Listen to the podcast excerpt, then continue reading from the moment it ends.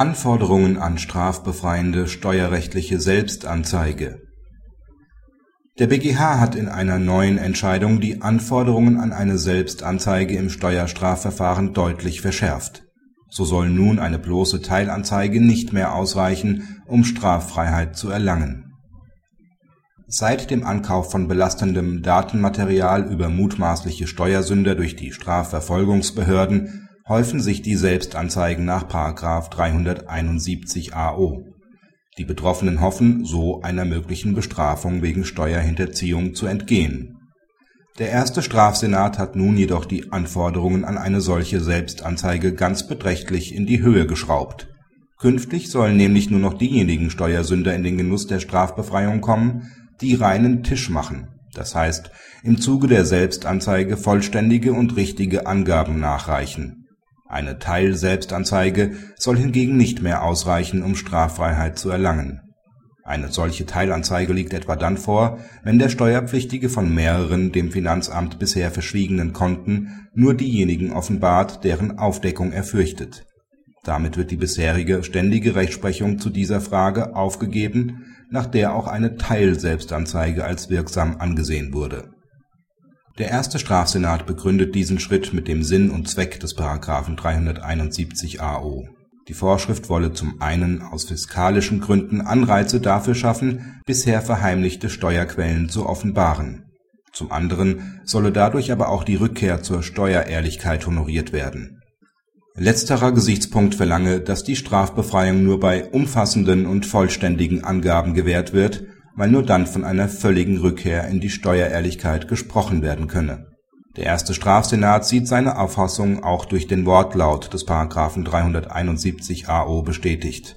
Wenn es dort heißt, dass der Beschuldigte bei einer Selbstanzeige insoweit von der Strafe befreit werde, so sei dieses insoweit dahingehend zu verstehen, dass eine Strafbefreiung nur hinsichtlich von Steuerdelikten in Betracht kommt aber nicht bezüglich anderer, gegebenenfalls mitverwirklichter Straftaten wie etwa Bestechungsdelikten.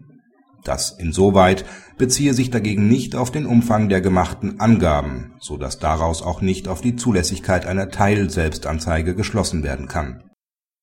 Der erste Strafsenat weist auch ausdrücklich darauf hin, dass es sich bei § 371 AO um eine Ausnahmevorschrift handelt, die restriktiv gehandhabt werden müsse diese Notwendigkeit zur einschränkenden Auslegung sei auch im Hinblick auf den Ausschluss der Strafbefreiung nach § 371 Absatz 2 AO zu beachten.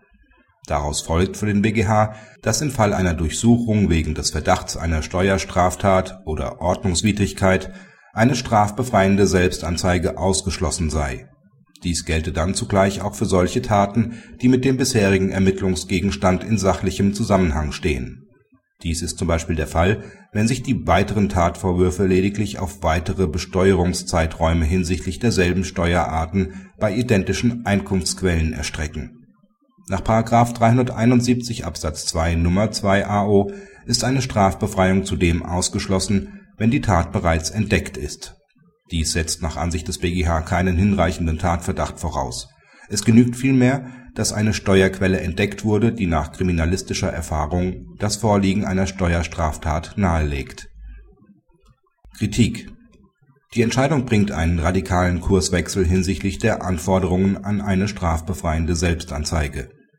Warum der erste Strafsenat diese Neuinterpretation anstellt, obwohl der Gesetzgeber in Kenntnis der bisher ständigen Rechtsprechung und trotz der aktuellen politischen Diskussion bislang keine Gesetzesänderung vorgenommen hat, bleibt offen durch das Erfordernis vollständiger Angaben einerseits und die Ausweitung des Anwendungsbereichs der Sperrklauseln in § 371 Absatz 2 AO werden die Möglichkeiten durch eine Selbstanzeige Straffreiheit zu erlangen drastisch eingeschränkt.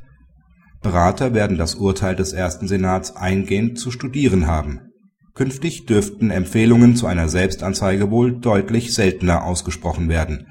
Ob dies dem fiskalischen und kriminalpolitischen Zweck von § 371 AO wirklich gerecht wird, kann indes bezweifelt werden